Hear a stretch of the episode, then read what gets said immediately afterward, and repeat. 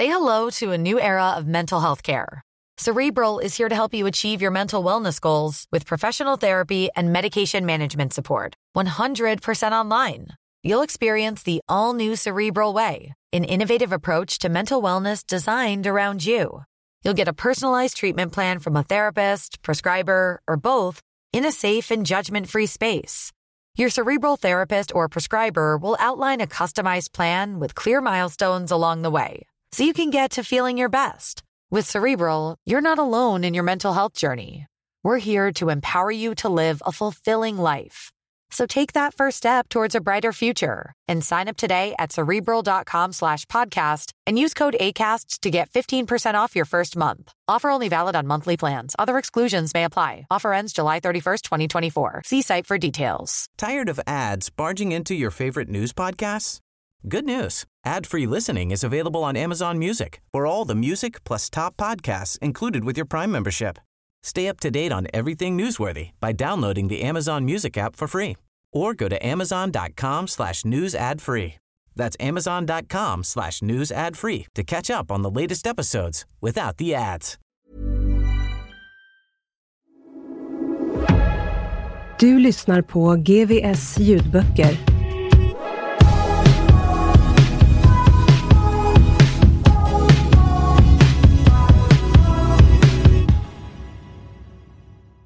De kallar mig Solvallamördaren av Janne Ranninen och Ivar Andersen. Efter åtta månader hade jag nästan läst klart cateringutbildningen. Vad är nästa steg? frågade jag studievägledaren på Sukeva. Det är att plugga till restonom, sa hon. Då läser du management inom restaurang. Hon rekommenderade yrkeshögskolan Haga Helia i Helsingfors. Utbildningen var på tre och ett halvt år och jag bestämde mig för att söka.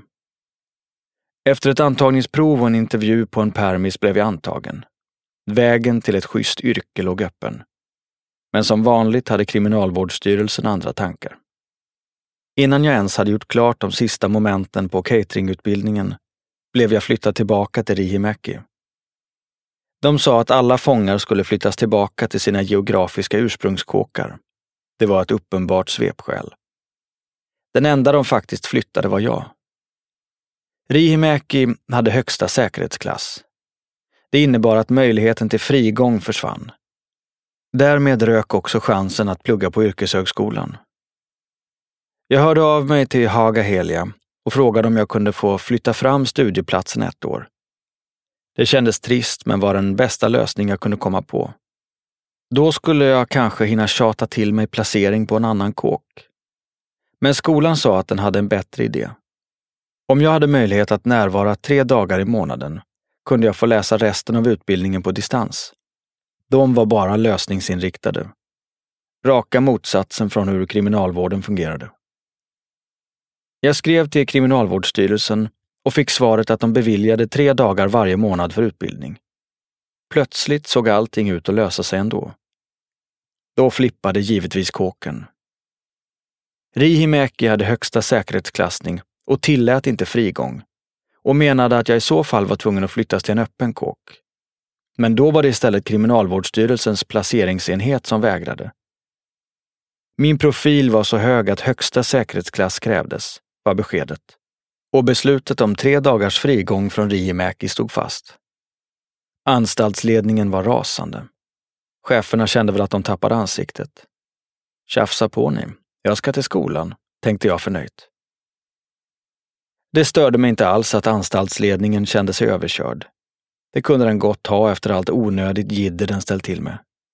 Självklart fortsatte de köra skrämseltaktik. Men jag höll god min genom allt. Jag jobbade som städare på kåken då. Det var jag tvungen att sluta med, fick jag höra. Städjobbet var ett heltidsjobb och eftersom jag skulle vara borta på utbildning tre dagar i månaden menade ledningen att jag inte kunde arbeta 100 procent på anstalten. Därför skulle städjobbet dras in och i och med att jag då skulle vara utan sysselsättning på kåken var jag tvungen att tillbringa 20 timmar om dygnet i cellen alla dagar jag inte var i skolan. Alltså 27 dagar i månaden. Visst, svarade jag. Och eftersom jag skulle ha frigång menade de att jag var tvungen att byta till en skitig ankomstcell. Visst. Jag kunde bara skratta åt hur genomskinligt allt var. Dagen innan utbildningen skulle börja kom en plit till cellen. Normalt har plitarna ett ärende. De ska meddela något beslut eller säga att man ska infinna sig någonstans. Men han stod bara tyst och kollade ner i golvet. Vad är det? frågade jag. Jag kan fan inte tro att det är sant, men de har återkallat ditt studietillstånd. Fängelsedirektören hade ringt till Haga Helia. Nu påstod han att skolan sagt att jag behövde obegränsad tillgång till internet för att klara utbildningen. Och eftersom det inte var möjligt på en säkerhetsanstalt hade han rekommenderat Kriminalvårdsstyrelsen att dra in tillståndet. Jag trodde inte det var sant. Och det var det inte heller, skulle det visa sig. När jag kontaktade Haga Helia förklarade skolans studievägledare att obegränsat internet inte alls behövdes. Jag överklagade anstaltens beslut till förvaltningsrätten. Studievägledaren på kåken var också en riktigt schysst snubbe och skrev ett bra utlåtande. Han menade att jag kunde lämna skoluppgifterna till honom på en USB-sticka, så kunde han mejla dem vidare till skolan. Domstolen gav mig rätt. Beslutet att återkalla studietillståndet har fattats på felaktiga grunder och upphävs, stod det i domen. Det var en seger, men kändes inte så. Processen hade tagit flera månader och hela höstterminen hade gått åt helvete. Kriminalvårdsstyrelsen beviljade bara tillstånd för ett halvår i taget. Nu menade höjdarna där att terminen var förverkad och jag var tvungen att inkomma med en helt ny ansökan. Jag ringde själv upp styrelsen. Det här måste få ett slut, sa jag. Det är dags att låta mig gå i skolan utan gidret. Samma tjafs upprepades ännu en gång. Rihimäki ville flytta mig till en anstalt med lägre säkerhetsklass. Placeringsenheten ville det inte. Det slutade med att chefen för kriminalvården i södra Finland personligen tog över ansvaret för min placering och flyttade mig till Helsingfors, som har näst högsta säkerhetsklass, trots protester från kåkledningen där. Jag har inte hört talas om att något liknande ska ha hänt. Att Kriminalvårdsstyrelsen kör över sina egna, vare sig förr eller senare. Det var såklart ett resultat av att jag inte gett upp och att studievägledarna hade backat mig. Men processen hade kostat både studietid för mig och resurser för samhället. Och varför? Utåt sett uppmuntrade ju kriminalvården fångarna att plugga. Flera månader försenad gjorde jag till slut min första skoldag på Haga Helia. Fastän jag missat nästan hela första terminen gav mig klasskamraterna ett varmt välkomnande. Stämningen var bra. En i klassen var kökschef med ansvar för 60 anställda. En annan var chef på en restaurangkedja i Helsingfors och en tredje var VIP-host på en av huvudstadens finaste nattklubbar. Det var en helt ny liga för mig. Fan vad nice, tänkte jag. Det här är något annat än att vända hamburgare. Jag skyltade inte med att jag satt inne, men sakta gick det såklart upp för folk. Ingen verkade ha några synpunkter. Alla var där för att lära och när vi hade grupparbeten var vi jämlikar som jobbade för att lösa uppgifterna ihop. Jag tyckte om atmosfären. Och skolan var otrolig. Om det uppstod något problem var den första reaktionen att hitta en lösning. På kåken var den första reaktionen ett automatiskt nej och sen fick man jobba som fan för att få dem att flytta sig ens en centimeter. Min plan var hela tiden att vänta ut Kriminalvårdsstyrelsen. Visade att jag fixade studierna. Ju bättre jag presterade, desto svårare skulle det vara att ge mig avslag i framtiden. Jag pluggade under hela sommaruppehållet och när nästa termin drog igång ville jag läsa in det halvår jag blivit blåst på. Det betydde att jag behövde mer frigång. Och eftersom jag skött mig kunde anstalten inte säga nej. Jag körde stenhårt och pluggade dubbelt. Tempot var högt, men jag njöt av att vara ute mer.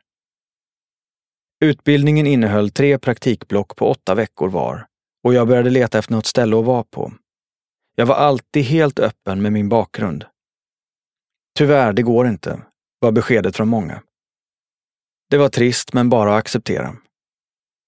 I samma byggnad som skolan låg Hotell Haga, ett konferenshotell med nice restaurang. Det var ett stort kök, fyra kockar och plats för 150 gäster till frukost och lunch med en särskild matsal på 30 sittplatser för de som ville äta à la carte. Studievägledaren hjälpte mig att styra upp ett möte. Jag gick dit och presenterade mig och efter mötet tog vi hand och beslutade när jag skulle börja. Mitt beslut om frigång gällde bara på veckodagar. Nu såg jag en möjlighet att pressa kåken och utöka det. Skriv in mig på så mycket helger och röda dagar som möjligt. Det gynnar oss bägge. Du slipper ta in extra personal och jag får vara ute mer, sa jag till restaurangchefen. Hon skrev schema och anstalten godkände och i december gjorde jag min första dag. Jag fick göra alla arbetsuppgifter som finns att göra på en modern restaurang. Det var inte bara att stå i köket. En vecka ansvarade jag för att planera hela menyn. Det skulle vara fem sallader, tre huvudrätter och en efterrätt varje dag. Jag skulle inventera, beställa från grossisterna, beräkna antalet gäster, minimera svinn och bestämma vem i köket som skulle göra vad.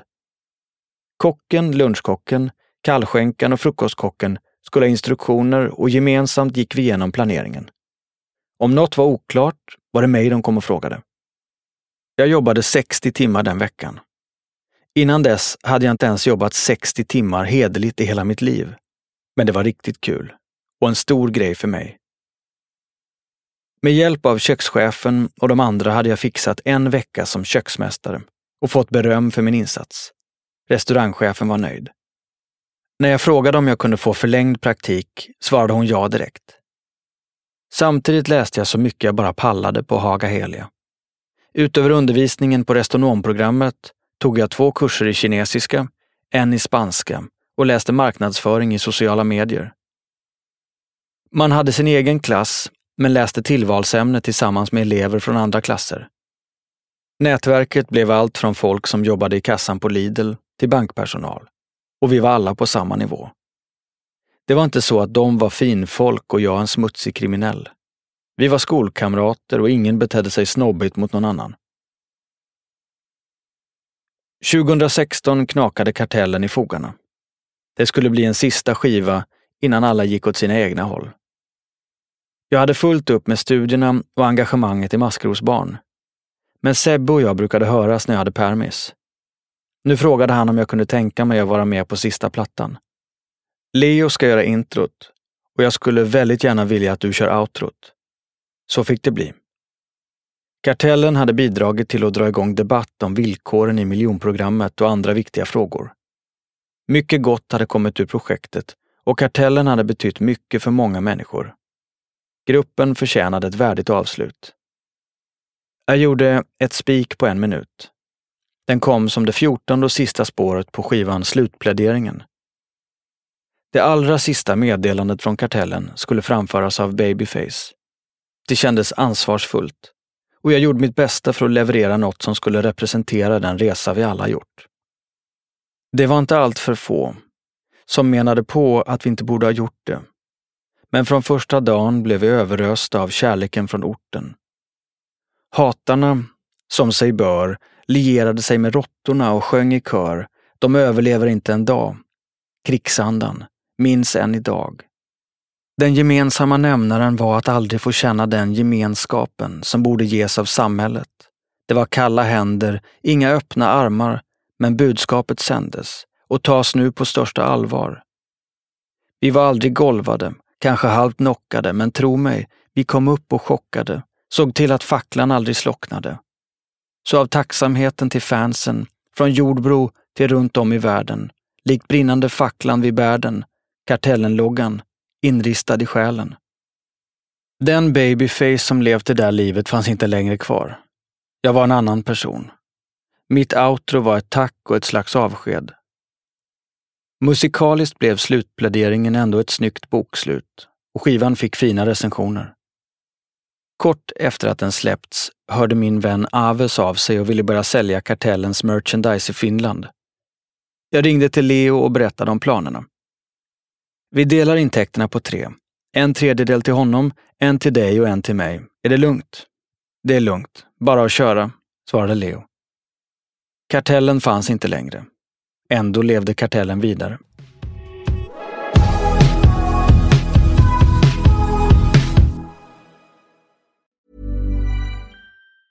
Tired of ads barging into your favorite news podcasts? Good news. Ad-free listening is available on Amazon Music for all the music plus top podcasts included with your Prime membership. Stay up to date on everything newsworthy by downloading the Amazon Music app for free or go to amazon.com slash news ad free. That's amazon.com slash news ad free to catch up on the latest episodes without the ads.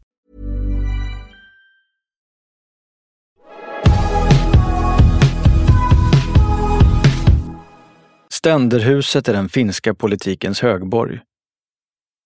I slutet av 1800-talet, innan den allmänna rösträtten och på flera årtionden innan självständigheten från Ryssland, var det här borgare och bönder sammanträdde medan den svenskspråkiga överklassen hade sina egna möten på annat håll.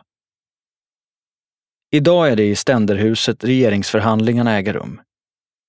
Den första bilden av den nya regeringen tas alltid på ständerhusets trappa framför de mäktiga pelarna. Den 19 oktober 2016 var det dags för mig att gå upp för de trappstegen. Jag var redan van vid att föreläsa, men det här var något utöver det vanliga.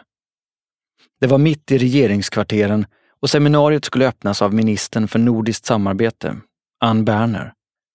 Från början var det tänkt att fredspristagaren och Finlands tidigare president Martti Ahtisaari skulle inledningstala. Reaktionen när jag sett mitt eget namn några rader under Ahtisaaris hade varit, vad är det som händer egentligen? Det här är bara för mycket. Min andra tanke hade gått till Finlands motsvarighet till Säpo. Skyddspolisen kommer att få spelet. Det var Hannaholmen, ett kulturcentrum som arbetade för att utveckla samarbetet mellan Finland och Sverige, som tillsammans med Nordiska ministerrådet och inrikesministeriet anordnade en heldag under rubriken Samarbete för inkludering. Hur motarbeta marginalisering och extremism? Jag skulle prata om mina egna erfarenheter av utanförskap och kriminalitet. Det kändes stort att ha blivit inbjuden. Jag tog ett djupt andetag och gick över Senatstorget. Utifrån såg ständerhuset ut som ett grekiskt tempel och inifrån strömmade ljuset ner från målade takfönster.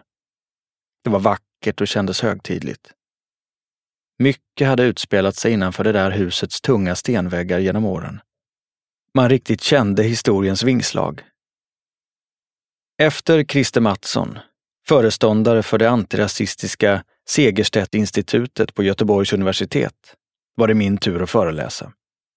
Jag har aldrig velat skryta med min kriminella bakgrund, men inte förneka den heller. Det var ju på grund av mina erfarenheter som jag hade någonting att tillföra. Men när jag presenterades inför nya människor inledde jag helst med mitt ideella arbete. Kriminaliteten låg i mitt förflutna. Inbjuden hit hade jag blivit för att jag försökte ge nästa generation någonting bättre. Precis innan jag skulle gå upp introducerade moderatorn från Nordiska ministerrådet mig för publiken. Nästa talare är Janne Ranninen, sa hon. Han har grundat föreningen Maskrosbarn som arbetar för att förbättra villkoren för barn vars föräldrar sitter i fängelse. Och så är han dömd för två mord. Nej, tänkte jag. Jag kollade ut i salen. Där satt toppskiktet från politiken, forskningen och den ideella sektorn i Finland och Sverige. Hur skulle de ta det? Det visade sig att det inte var något problem alls. Kriminalvårdsstyrelsen hade än en gång nekat mig extra permis med motiveringen att föreläsandet var hobbyverksamhet. Men här, bland de som hade makt och resurser att faktiskt förändra något, togs jag på allvar. Jag behövde bara prata ur hjärtat och säga som det var. Det verkade gå hem. Jag fick stanna länge på scenen och besvara frågor från publiken. Linda hade följt med mig dit. Vi stannade hela dagen och jag blev intervjuad av tv, pratade med politiker och knöt kontakter med nya organisationer. En läkare som var ansvarig för skolsjukvården i södra Finland frågade om jag kunde komma och föreläsa när hon och kollegorna hade möte. Elever var ju en av målgrupperna för maskrosbarn och jag tackade givetvis ja. Chefen för finska scoutrörelsen kom förbi och hälsade. Vi har problem att nå er målgrupp. Vi når de som har det bättre ställt, men inte de som kommer från fattigare hemförhållanden. Tror du vi kan samarbeta någon gång i framtiden? Självklart, svarade jag. Vi använder våra kanaler för att nå ut. Det jag såg av Hannaholmens arbete var imponerande. Kulturcentret hade en genomtänkt verksamhet och kontakter på högsta nivå och jag kom bra överens med företrädarna. Jag hade en praktik kvar på restonomutbildningen och tanken väcktes att göra den på Hannaholmens programavdelning. Organisationens anläggning i Esbo genomgick en totalrenovering men skulle öppna igen lagom till nästa sommar. Det hade varit perfekt. Men det var ett tag kvar till dess. Vardagen rullade på. Jag jobbade i köket på Hotell Haga på dagarna, arbetade med maskrosbarn på kvällarna, hängde med Linda och Penelope på permisarna. Allting gick som det skulle och framtiden började kännas ljus. Samtalet från centralkriminalpolisen kom som en blixt från klar himmel. Jag stod i köket när vaktchefen ringde från anstalten. Det var ovanligt. Anstalten brukade aldrig ringa under frigången. Jag torkade av händerna på en kökshandduk och tog telefonen. Centralkriminalpolisen ringde, sa vaktchefen i andra änden. De ska förhöra dig och är på väg från Åbo nu. Sa de vad det gällde? undrade jag utan att förstå någonting. Om vaktchefen visste var han i alla fall inte beredd att berätta för mig. De är där om en halvtimme. Gör dig redo. Jag hade stått och arbetat med efterrätten när samtalet kom. Nu var jag tvungen att fråga kollegan Jasmin om hon kunde städa efter mig, eftersom jag måste iväg. Hon var schysst och ställde upp, men det är en pinsam grej att be om i ett kök. Jag försökte göra mig redo, så gott jag nu kunde. Centralkriminalpolisen, CKP, utreder de allra tyngsta brotten. Terrorbrott och gängkriminalitet och mord. CKP är Finlands motsvarighet till FBI. Om de var inblandade måste det vara någonting allvarligt. Mitt första samtal gick till Linda. De säger att de ska ta mig till Åbo, så om du inte hör av mig på ett tag så är det därför. Linda lät orolig. Men vad vill CKP dig? Jag vet inte. Anstalten vägrade säga vad det handlade om. Därefter gick jag in till restaurangchefen. Hotellet hade alltid behandlat mig reko. Nu var jag tvungen att förklara att jag måste avbryta arbetsdagen och inte visste när eller om jag skulle komma tillbaka. Det var en rutten situation. Men det enda jag kunde göra var att vara ärlig. Men tyvärr vet jag inte alls vad det rör sig om, sa jag. Jag bytte om och medan jag gick ner mot lobbyn funderade på vad det kunde handla om. Jag kunde inte för mitt liv komma på vad det skulle vara. Visst hade jag gjort en del business mellan voltorna, men de grejerna skulle ju vara 14 år gamla nu och preskriberade för länge sedan. Det måste vara någonting annat. Men vad? Fan! Nu när man kommit så här långt, tänkte jag medan jag väntade. Snutarna var oväntat artiga. De la fram sitt ärende direkt. Vi är här för att förhöra dig om Keijo Kekke Villonens inblandning i mordet på Volkan Ünsal. Beskedet väckte fler frågor än det gav svar. Betydde det att jag inte var misstänkt för någonting? Nej, du är inte misstänkt. Vi vill bara höra dig upplysningsvis, bekräftade snuten. Men varför ska ni då köra mig till Åbo? frågade jag. Nu var det snutens tur att se förvånad ut. Nej, alltså, vi har åkt från Åbo, men planen är att förhöra dig här. Att jag skulle till Åbo visade sig vara vaktchefens påhitt.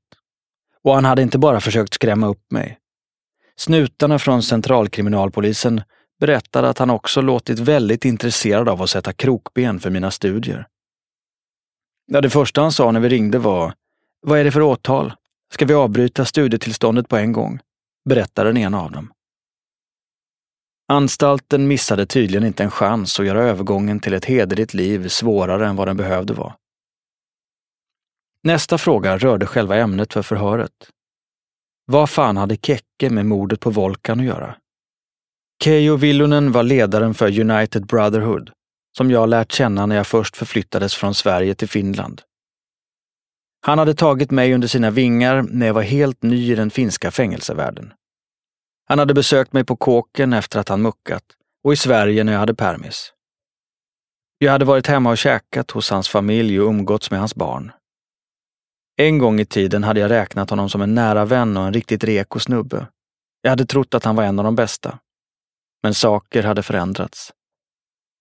Det hade börjat med att jag slagit upp Helsingin Sanomat medan jag satt i cellen på Rihimäki en oktoberkväll 2013. Tidningen körde ett stort reportage om att Keijo hade nära kontakt med Jari Arnio, chefen för narkotikaroten i Helsingfors. Det var den största roten i hela Finland och Arnio var förmodligen landets kändaste snut. 1987 hade han utsetts till årets polis och knappt tio år senare hade han blivit rikskänd när han på egen hand avvärjt ett attentatsförsök mot sin gård i Grönkulla. Arnios egen version var att han hade hört mystiska ljud, gått ut på tomten i strumplästen, hittat en tänd granat och klippt av stubinen med en sekatör. Arnio gillade att vara med i tv och tidningar och framställdes nästan som en filmhjälte. En polischef med hårda nypor som inte tvekade att spela fult om lagen inte räckte till. Precis vad som behövdes för att rensa upp bland buset, verkade många tycka. Inom kåren kallades han Kejsaren. Enligt Helsingin Sanomat hade Arni och Keijo affärer ihop. Det handlade om företaget Trevok, som utvecklade och tillverkade spaningsutrustning. Keijo hade genom sin farbror och syster investerat 200 000 euro i bolaget. Arnio var också delägare genom en bulvan. Samtidigt var han inköpsansvarig på Helsingforspolisen. När snuten skulle köpa ny avlyssningsutrustning gav han kontraktet till sitt eget företag och gjorde grova pengar. Jag hade skrattat när jag läst. Nice, hade jag tänkt. Kekke har till och med högste snutchefen i sitt grepp. Han är tung. Keijo hade grundat MORE, M-O-R-E, eller Vi är de kriminellas elit, när han och jag satt på Jokkila ihop år 2000. Några år senare slogs More och två andra gäng ihop till United Brotherhood. I toppen satt Keijo, bossen över alla. Han hade byggt sig en maktbas på ett starkt nätverk och sin förmåga att hantera personer. Normalt kommer man inte till en sån position utan att smutsa ner händerna. Men Keijo använde själv aldrig våld. Förmodligen hade han aldrig gjort någonting våldsamt i sitt liv. Han var politiker, inte benknäckare. I vanliga fall måste man vara lite av bägge. Bristen på eget våldskapital gjorde honom unik. En på miljonen. Men Kekke var inte bara accepterad. Han var omtyckt och respekterad. Högst upp i hierarkin med gubbar under sig som var beredda att göra allt för honom. Härvan hade växt snabbt. När snuten gjort husrannsakan hemma hos kejsar Arnio hittades 65 000 euro i en blomrabatt och en mobiltelefon som kunde koppla honom till 800 kilo hash som han och Keijo tagit in i Finland ihop. Högste chefen för narkotikaroten var alltså en av landets största narkotikasmugglare. Och nu såg han ut att åka för det. Fler och fler detaljer hade nystats upp. Enligt tidningarna hade Keijo inte bara varit Arnios affärspartner, han hade också varit hans informatör. Först hade jag inte velat tro det. Keijo hade alltid varit en bra vän. Men pusselbitarna var många och de passade obehagligt bra ihop. Tidningarna hävdade att han och Arnio haft ett nära samarbete sedan slutet av 1990-talet. Och jag visste av erfarenhet att man inte har ett så långt samarbete med snuten om man inte ger dem något i utbyte. Om man inte golar. Hej! Janne Ranninen här. Om ni gillade min bok Solvallamördaren så finns även min nya bok Bakom murarna ute nu. Tired of ads barging into your favorite news podcasts? Good news. Ad-free listening is available on Amazon Music for all the music plus top podcasts included with your Prime membership. Stay up to date on everything newsworthy by downloading the Amazon Music app for free or go to amazon.com slash news ad free. That's amazon.com slash news ad free to catch up on the latest episodes without the ads.